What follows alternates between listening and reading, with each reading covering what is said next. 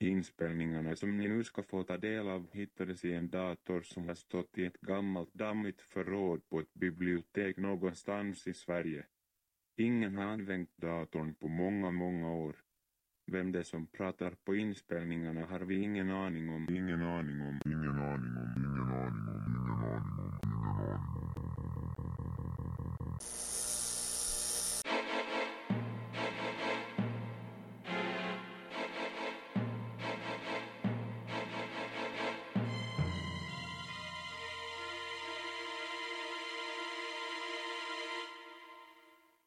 Vänner, ikväll ska jag berätta om kusligheter som kan inträffa på sjukhus och andra vårdinrättningar.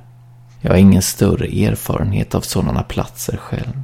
Jo, en gång har jag legat på sjukhus. Det är något jag kommer att minnas med obehag i resten av mitt liv. Det började med att jag drack något dåligt en kväll. Jag kände genast efter att jag druckit mig otörstig att något var fel. Magen började kännas konstig och jag fick en fadd, nästan rutten smak i munnen. Tyvärr var jag inte hemma vid tillfället utan befann mig på en mörk gångväg omgiven av skog. Jag tror att det var i Blackebergstrakten. Det var vinter och mitt i natten. Jag önskade att jag hade kunnat ta en taxi därifrån, men efter ett visst övervägande beslutade jag mig för att promenera hemåt istället. Mitt utseende var för tillfället milt sagt förfärligt och jag befarade att en taxichaufför som skulle plocka upp mig troligtvis hade dött av skräck då han såg mig. Min dåvarande bostad låg cirka en mil från den plats jag befann mig på och jag trodde att jag skulle klara av att gå den sträckan trots att magen nu gjorde rejält ont. Jag började vandra. Det hela gick ganska bra till att börja med. Smärtan i magen tilltog, men jag lyckades ändå stappla mig fram de första kilometrarna.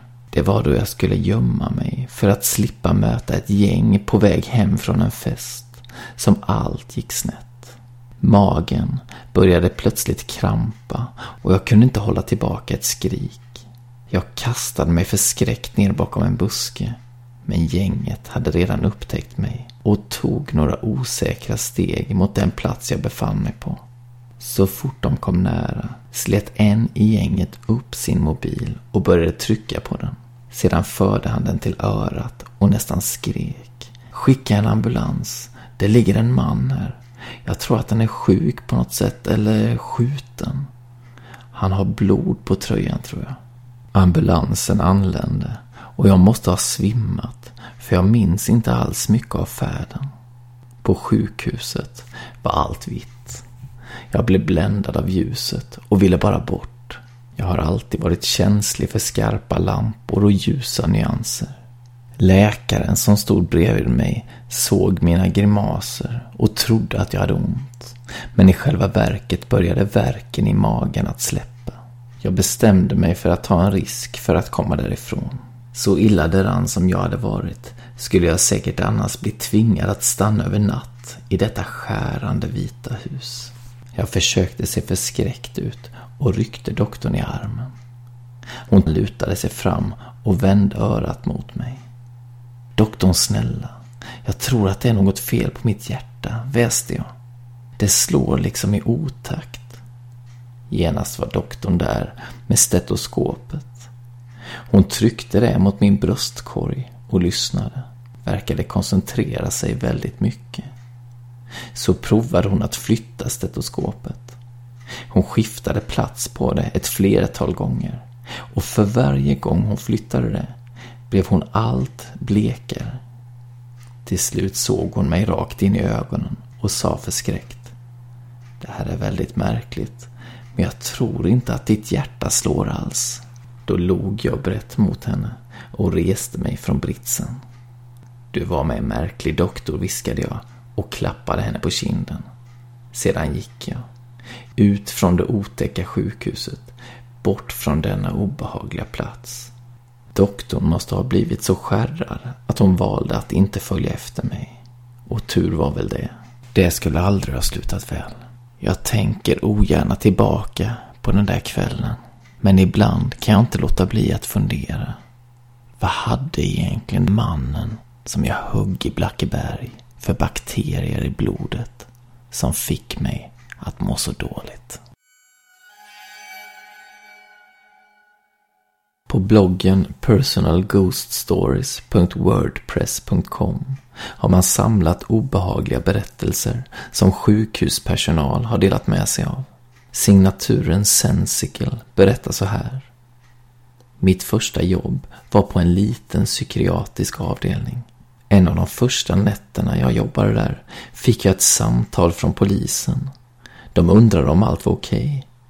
Ja, visst, svarade jag. Patienterna sover och allt är lugnt och stilla. Polisen berättade då att de hade fått ett larmsamtal från min avdelning. Jag heter Satana och jag behöver hjälp, hade någon viskat i luren. Polisen kunde på något vis se från vilken av våra telefoner som samtalet ringts in. Denna telefon fanns i bild och hantverkssalen. Detta var mycket märkligt eftersom salen i fråga aldrig användes nattetid. Vi var alltid noga med att låsa till rum som ingen var i. Dessutom låstes patienterna in under den senare delen av kvällen och natten.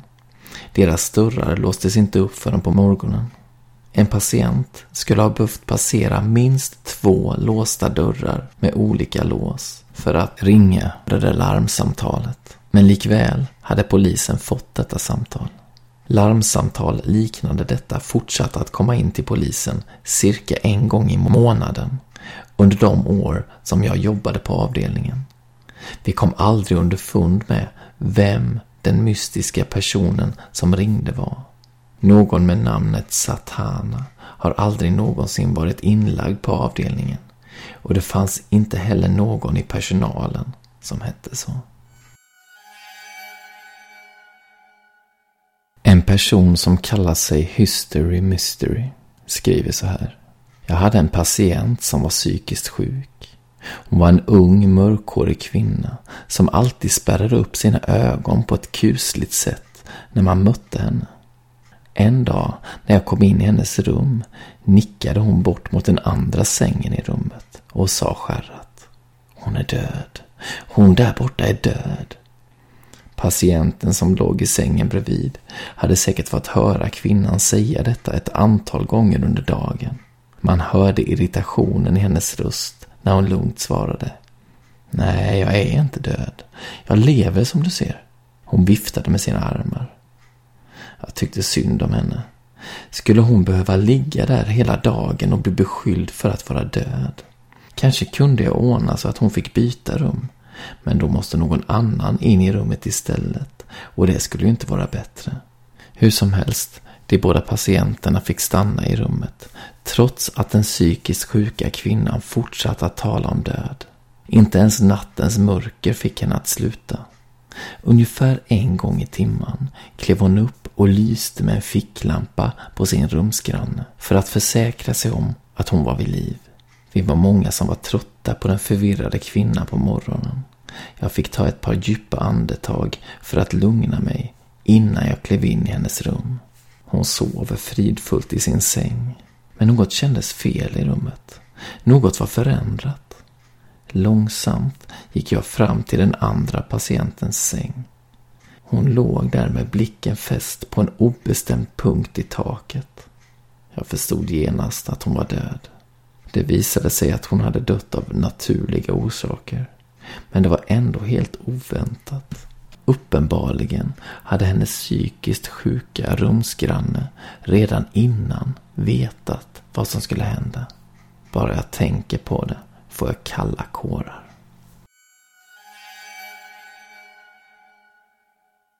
Signaturen Middle Earth Gardens jobbar uppenbarligen som läkare eller sjuksköterska.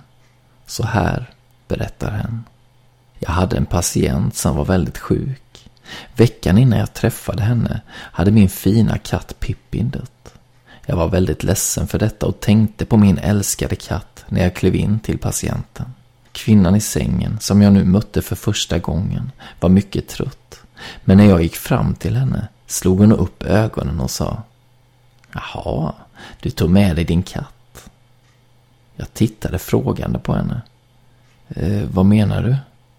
Ja, fortsatte patienten. Din lilla katt sitter ju där vid din fot. Det gick kalla kårar längs med ryggen på mig. Kvinnan måste vara förvirrad, tänkte jag. Men så frågade jag, mest på skoj. Eh, hur ser min katt ut då? Vad har den för färg? Patienten tittade på mig som om jag vore knäpp. Den är ju svart med några vita inslag. Den beskrivningen stämde precis på min kära Pippin. Kvinnan måste uppenbarligen ha sett min döda katt. Följande natt avled patienten.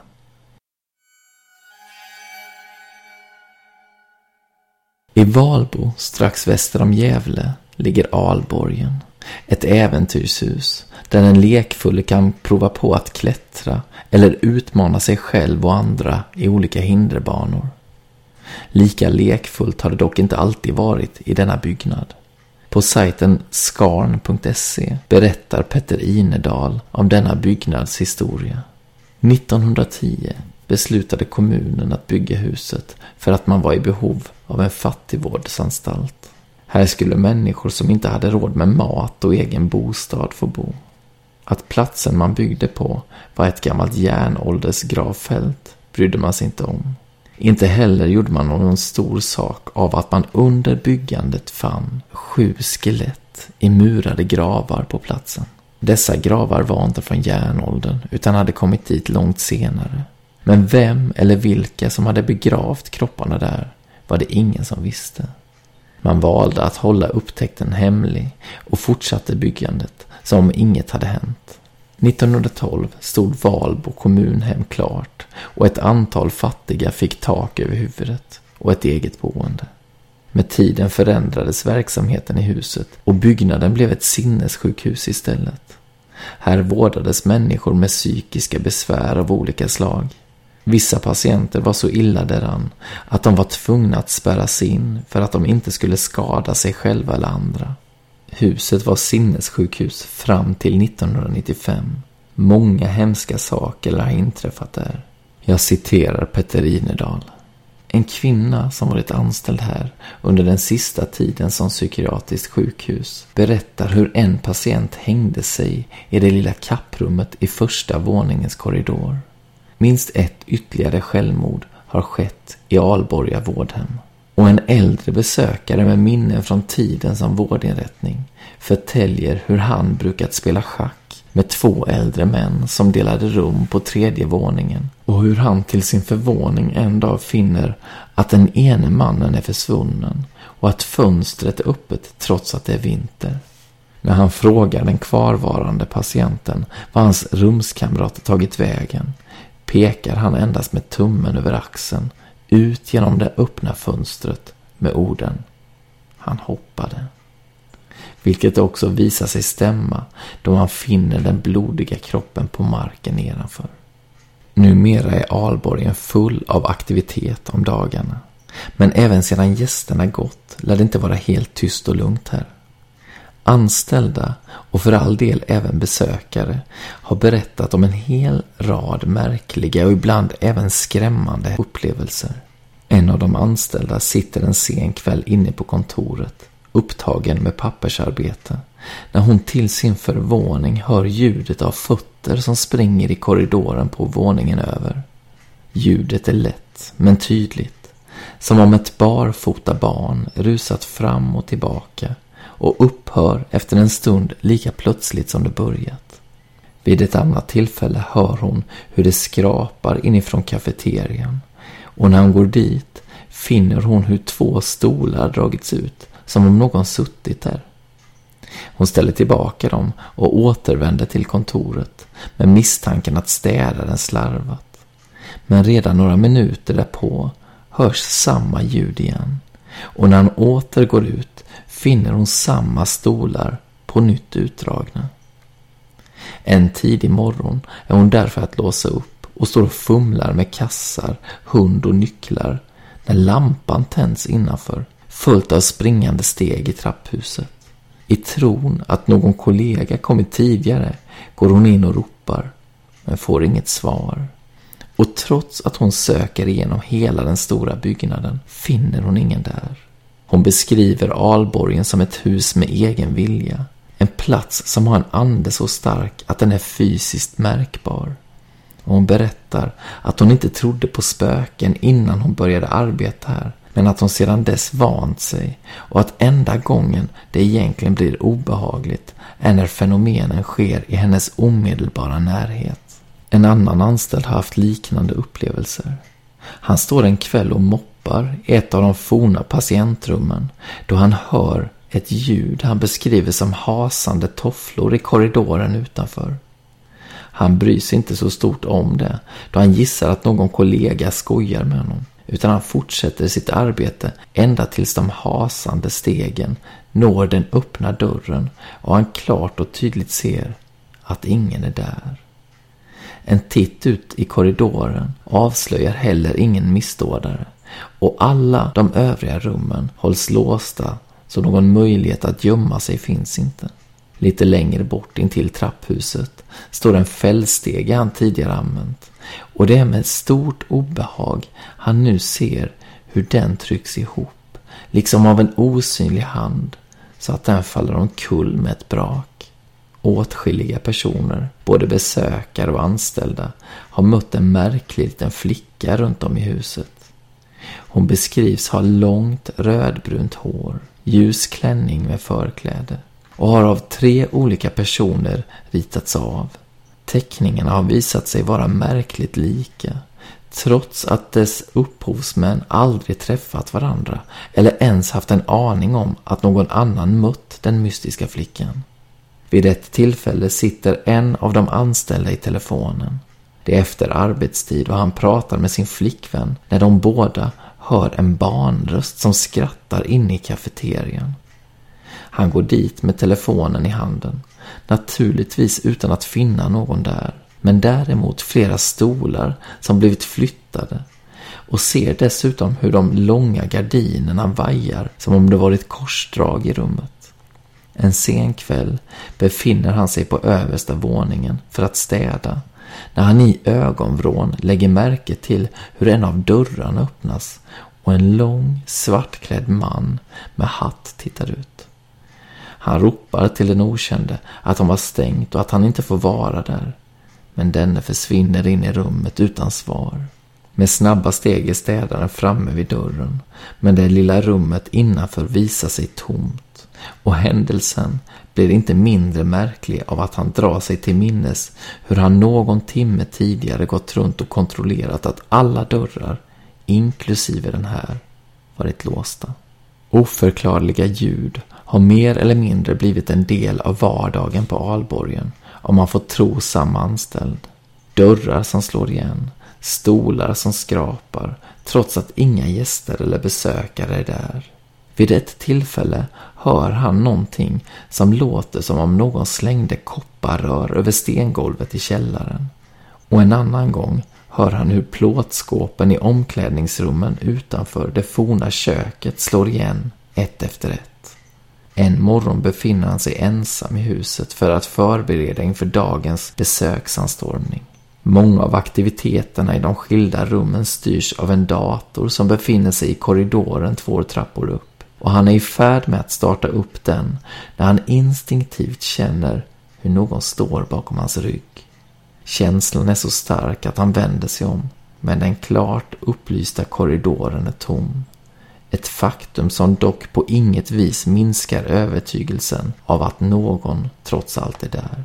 När han åter vänder sig mot datorn hör han flåsande andetag intill sitt öra och det är endast med stor självbehärskning han förmår slutföra arbetsuppgiften för att sedan skynda därifrån med någonting osynligt hack i häl ända fram till trappan. En kväll, några dagar därpå, har han precis låst och larmat och befinner sig på gårdsplanen vid sin bil när han åter får den där känslan av att vara iakttagen. Han tittar upp och får se en gestalt i ett av fönstren på översta våningen. Ett fönster som hör till en skrubb där färgburkar och verktyg förvaras. Blicken i det bleka ansiktet är iskall och allt annat än välkomnande och han bestämmer sig därför för att allting är inbildning och åker därifrån utan att ha kontrollerat det. En av de allra märkligaste och mest skrämmande händelserna inträffar en dag när han är på väg in i norra trapphuset. Atmosfären är tjock och obehagligt avvisande. Han beskriver en iskall närvaro som inte vill låta honom passera. Ett oförklarligt vinddrag kommer ner för trappan och med det en hårtuss. Vitt, tovigt hår, liksom från en gammal och inte särskilt välkammad människa. Trappan är nystädad och några pensionärer har inte funnits bland besökarna på flera veckor så den osmakliga hårtussens närvaro är lika mystisk som olustig. Han lägger den i en påse som han placerar på ett bord på kontoret. För säkerhets skull lägger han en stor tejprulle ovanpå så att den inte ska flyga iväg. I källaren hämtar han sin kollega, den enda andra människa i huset. Men väl tillbaka på kontoret är påsen borta. Den återfinns efter en stunds letande på golvet där även tejprullen befinner sig, flera meter bort. Han tänker att han kanske har stött till bordet och gör experimentet att lägga tillbaka påsen och tejprullen och skaka bordet för att få dem att falla av. Men det visar sig vara omöjligt om man inte mer eller mindre välter hela bordet.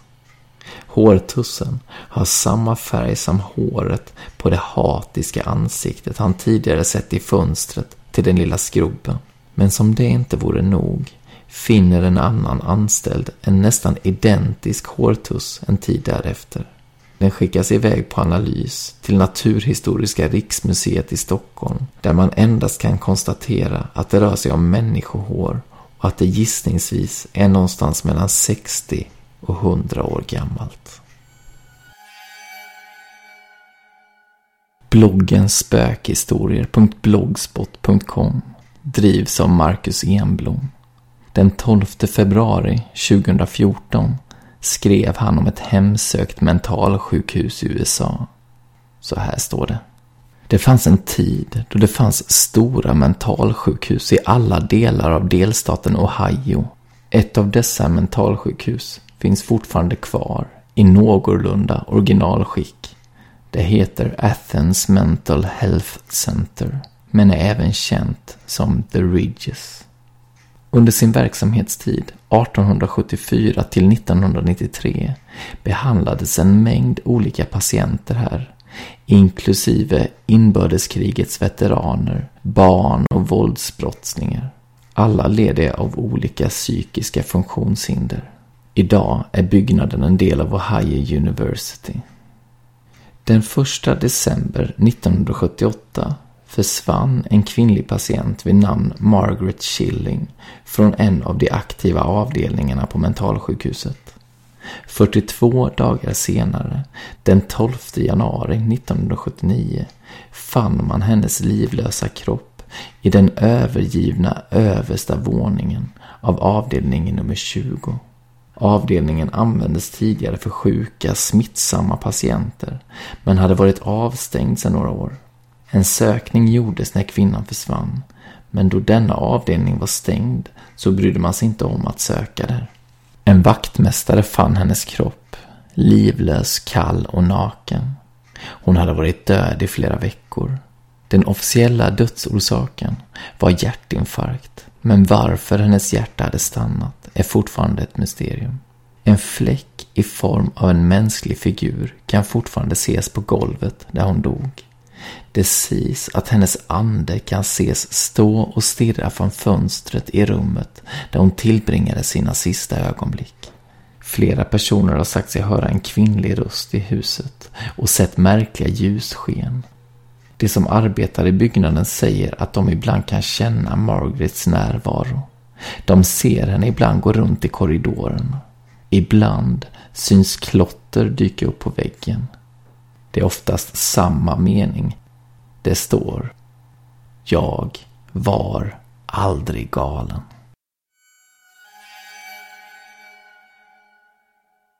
Jenny, en av poddens trogna lyssnare, har skickat in nästa historia. Så här skriver hon. När jag var i 20-årsåldern blev jag plötsligt akut sjuk. Jag var medvetslös när ambulansen hämtade mig och låg sedan i något slags komatillstånd på sjukhuset i flera dagar. När jag väl vaknade upp stod en läkare vid min sida. Han log mot mig. Så du vaknar nu, sa han. Jag tittade tillbaka på honom. Min mun var torr som sandpapper, men jag lyckades ändå sluddra fram några meningar. Jag måste få tacka henne, viskade jag. Tror du att hon kan komma hit igen så att jag får tacka henne? Vem pratar du om? undrade läkaren. Vem är det du vill tacka? Ja, jag vet inte vad hon heter, svarade jag. Men det är en äldre dam i vita kläder som har varit här och hållit mig i handen vid ett flertal tillfällen. Hon är nog någon slags volontär för hon är för gammal för att jobba. Säkert i 80-årsåldern. Märkligt, svarade läkaren. Någon sådan person har vi inte här på sjukhuset. Sa hon någonting till dig någon gång? Ja, hon, hon gav mig hoppet tillbaka kändes det som. Och sa att allt skulle bli bra. Du har mycket tid kvar, brukade hon viska. Läkaren nickade. Ja, de brukar veta sånt där, de där skyddsänglarna. Sedan vände han sig om och gick för att ta sig an andra patienter.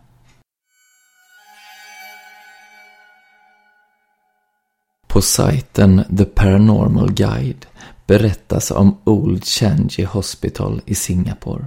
Detta sjukhus byggdes 1935 och sägs vara en av världens mest hemsökta platser.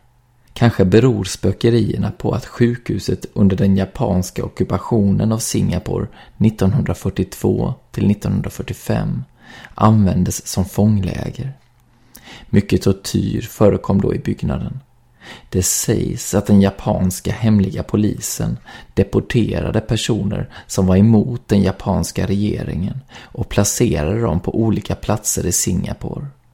Bland annat spärrades de in, torterades och till och med dödades på Old Changi Hospital. Senare, då japanerna dragit sig tillbaka, återgick byggnaden till att bli sjukhus. År 1997 stängdes det dock för gott. Numera står huset öde och är ett populärt besöksmål för upptäckare och urban explorers. De som har besökt sjukhuset under senare år säger sig ha sett märkliga skuggfigurer i de tomma korridorerna och man ska också kunna få höra blodisande skrik i byggnaden. Men ett flertal personer har varit med om ännu obehagligare saker under sina besök. Då hela grupper av utforskare bestämmer sig för att besöka Old Changi Hospital inträffar ofta samma sak. Gruppen är från början samlad, men någon gång under vandringen genom sjukhussalarna viskar en person i gruppen till sin närmsta granne att hen ska följa med på en egen liten expedition. Den tillfrågade följer med och de två går och småpratar medan de promenerar längre och längre in i det kusliga sjukhuset. När de befinner sig långt bort från den övriga expeditionen försvinner plötsligt personen som föreslog att de skulle ge sig iväg på egen hand. Och den andra personen står nu ensam i mörkret, djupt inne i detta gudsförgätna hus. Vissa lyckas ta sig tillbaka till den övriga gruppen men andra försvinner för alltid. Det är uppenbart att det finns vålnader på sjukhuset som kan anta mänsklig form och in i minsta detalj efterlikna en levande person. Avslutningsvis ska jag läsa en novell ur novellsamlingen Kvinnan i hissen och andra mystiska historier av Helene Tursten. Boken är utgiven på Alfabeta förlag. Novellen jag ska läsa heter Kvinnan i hissen 1.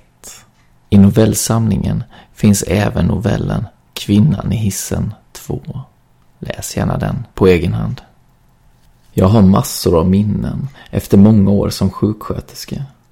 Vissa episoder är roliga och andra är sorgliga. Men det finns ett minne som aldrig har lämnat mig någon ro. Jag har burit det med mig i snart 50 år. Året innan jag började studera till sjuksköterska arbetade jag som sjukvårdsbiträde på natten. Jag tackade min lyckliga stjärna att jag hade fått ett långtidsvikariat på den nybyggda och välutrustade hudkliniken vid Salgrenska sjukhuset. Vi var tre stycken i arbetslaget. Sjuksköterskan Ellen, undersköterskan Marianne och jag. Alla tre var i ungefär samma ålder och vi trivdes bra ihop redan från början. Min tjänst började i augusti. Redan efter ett par nätter märkte jag att syster Ellen och Marianne tisslade sinsemellan och kikade ut i den svarta augustinatten. Jag uppfattade bara mummel. Ja, nu är det snart fullmåne. Ja, hon kommer säkert den här gången också. Till slut orkade jag inte hålla mig utan frågade vad det var de viskade om. Mina arbetskamrater utväxlade en blick och en nick i samförstånd. Syster Ellen var den som berättade. Ett år efter det att kliniken hade öppnat så märkte vi i nattpersonalen att det händer underliga saker när det är fullmåne. Prick vid midnatt åker hissen upp till översta våningen. Men där ligger ju administrationen.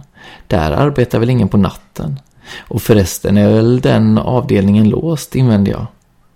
Syster Ellen nickade menande. Just det. Men det står en kvinna i hissen när den åker ner igen. Hon är kanske några år äldre än jag. Mycket snyggt klädd. Det konstiga är att hon alltid har exakt samma kläder på sig. Har du sett henne själv? frågar jag. Ja då, flera gånger. Nästa gång vi går på vårt pass är det fullmåne. Då ska vi stå ute i hallen och titta på henne. Och så blev det bestämt. Det kändes spännande och lite pirrigt att stå ute i det mörka trapphuset strax före midnatt. Fullmånen sken in genom fönstret och trapporna badade i det kalla ljuset. I dunklet framför hissdörren trängde det dock inte in något ljus. Där stod vi tre med huvudena tätt ihop framför det smala svarta hissfönstret. Alldeles före tolvslaget kom den tomma hissen förbi fönstret och fortsatte uppåt. Syster Ellen tryckte krampaktigt på knappen, men hissen bara åkte förbi. Den lysande pilen som markerade att hissen var på väg uppåt slocknade. Nästan genast tändes pilen som pekade neråt. Med stigande spänning hörde jag hur hissen närmade sig våningen där vi stod. Först såg jag ett par svarta blanka damskor med spetsiga tår och smala skyhöga klackar. Därefter följde ett par slanka, nylonklädda underben. Mitt på knät började en kjolfoll. Kjolen var snäv och rak i noppigt skogsgrönt tyg. I sina svartbehandskade händer höll kvinnan en svart skinnhandväska hårt tryckt mot låren. Dräktjackan var knappt höftlång med blanka guldknappar. I halsöppningen skymtade en vit blus och ett bärnstenshalsband. Hennes rödmålade mun var orörlig i det bleka ansiktet. Hon var mycket allvarlig och såg på oss genom kattbågade glasögon. De gröna plastbågarna matchade den eleganta dräkten. Hon stod så att hon syntes tydligt genom fönstret i hissdörren. Hissbelysningen gjorde reflexer i det kopparröda håret som var kammat i en blank och prydlig pagefrisyr. Om hon inte hade haft ett så utslätat ansiktsuttryck skulle hon ha varit en strålande skönhet. Hissen fortsatte neråt och det blev tomt och svart i hissfönstret. Ingen av oss sa någonting. Under tystnad gick vi in på avdelningen och fortsatte ut i det lilla köket. Syster Ellen satte fram kaffemuggar och hällde upp kaffe ur en termos. Först när det var gjort, sa hon. Nå, vad tror du om damen i hissen? Ärligt talat så vet jag inte, svarade jag. Både Marianne och syster Ellen tittade på mig och jag kände att jag förväntades bjuda till lite bättre. Då jag inte kom på något mer att säga sa syster Ellen. Jag tycker att det är underligt att hon alltid kommer vid samma tidpunkt och alltid har samma kläder. Hissen stannar inte trots att man trycker på knappen. Ingenting i hennes utseende har ändrats under de gånger som jag har sett henne. Positionen som hon står i, frisyren, den nollställda minen. Allt är precis likadant. Det blev tyst en lång stund ute i köket och jag kände en kall kåre utefter ryggen på mig. Damen i hissen var mystisk och hon skrämde mig. Under den kommande månaden diskuterade vi ofta hisskvinnan. Vi var inte alls överens om den mystiska kvinnans ärenden eller avsikter. Däremot var vi ense om att vi skulle försöka ta reda på dem. När det bara var några nätter kvar tills nästa fullmåne hade vi utarbetat en plan. Det var en vacker fullmånenatt. Temperaturen låg några grader under nollstrecket och månen sken med skarpt ljus från en molnfri himmel. Strax före tolvslaget gick vi ut i trapphallen och ställde oss som vi hade bestämt.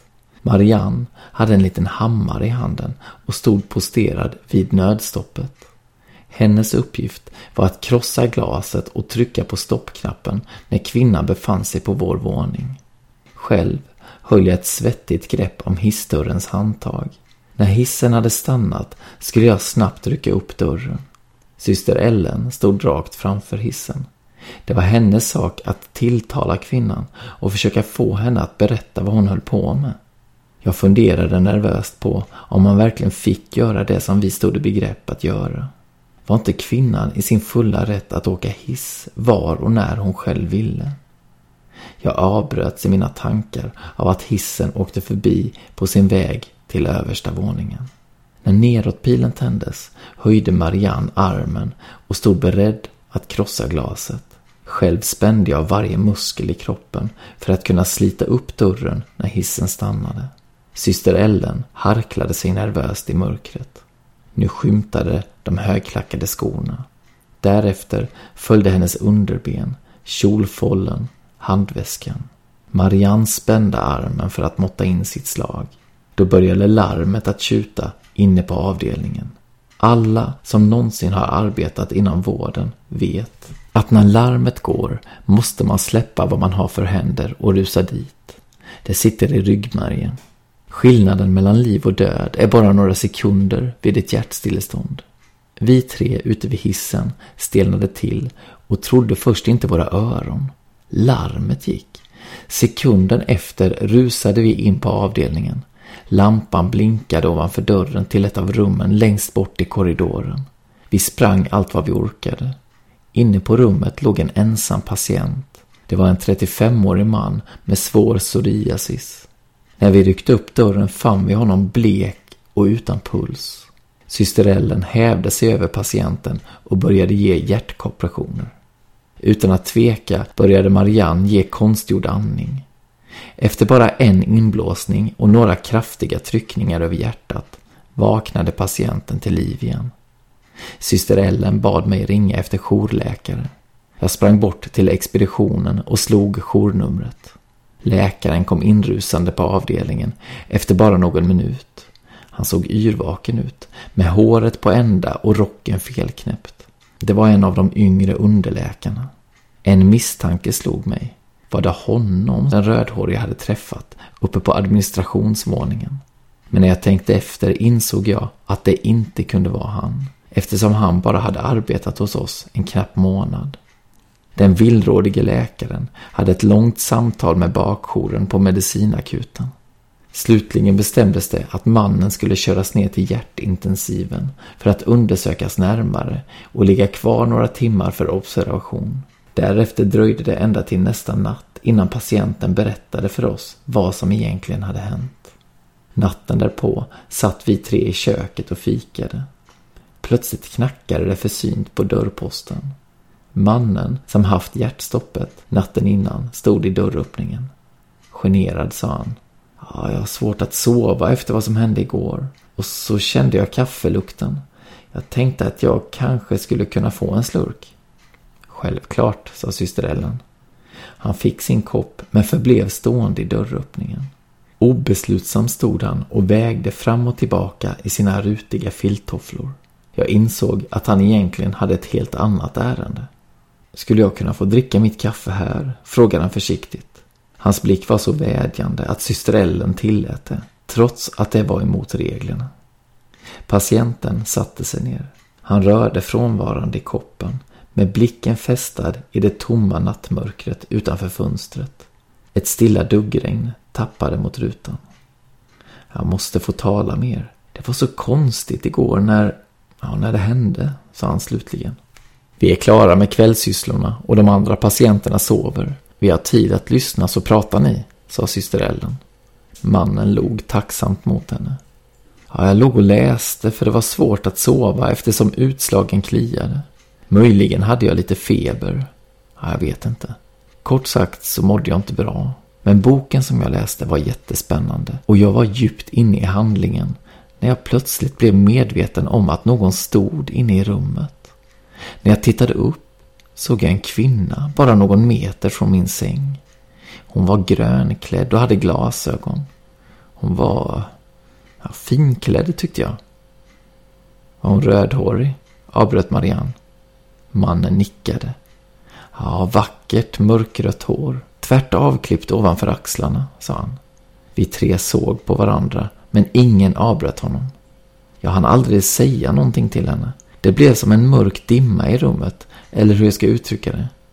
Mörkret slöt sig om mig, men jag hörde hela tiden en lugnande röst och blev nog aldrig rädd. Kvinnan talade till mig i mörkret. Han tystnade igen och sneglade generat på oss. Vi lyssnade uppmärksamt och ingen såg ut att misstro honom. Innan jag blev medvetslös såg jag hur hon sträckte ut handen och tryckte på larmet. Märkligt nog så minns jag tydligt att hon hade svarta handskar och en svart handväska som dinglade från handleden. Sedan minns jag ingenting förrän jag vaknade av att ni höll på och bökade med mig. Det blev alldeles tyst i köket när han hade avslutat sin historia. Syster Ellen var den som fann sig först. Med all auktoritet och allt lugn hon kunde uppbåda, sa hon. Det var säkert så att ni fick en feberhallucination alldeles innan ni blev medvetslös. Hallucinationen kan förklaras av syrebristen vid svimningen. Jag kom på mig själv med att nicka medhållande. Inte kunde vi hålla med mannen och berätta för honom om kvinnan i hissen. Det var bättre att han fick tro att han hade sett en feberfantasi. När han hade gått tillbaka till sitt rum enades vi om att inte försöka stoppa hissen någon mer gång. Kvinnan fick fortsätta sina fullmåneturer i hissen bäst hon ville. Och det gjorde hon. Mm, efter att ha hört alla dessa historier aktar ni väl er extra mycket för att skada er eller bli sjuka. Det var allt för denna gång. Men kom ihåg, till nästa gång. Ondskan finns där ute. Så håll ögonen öppna.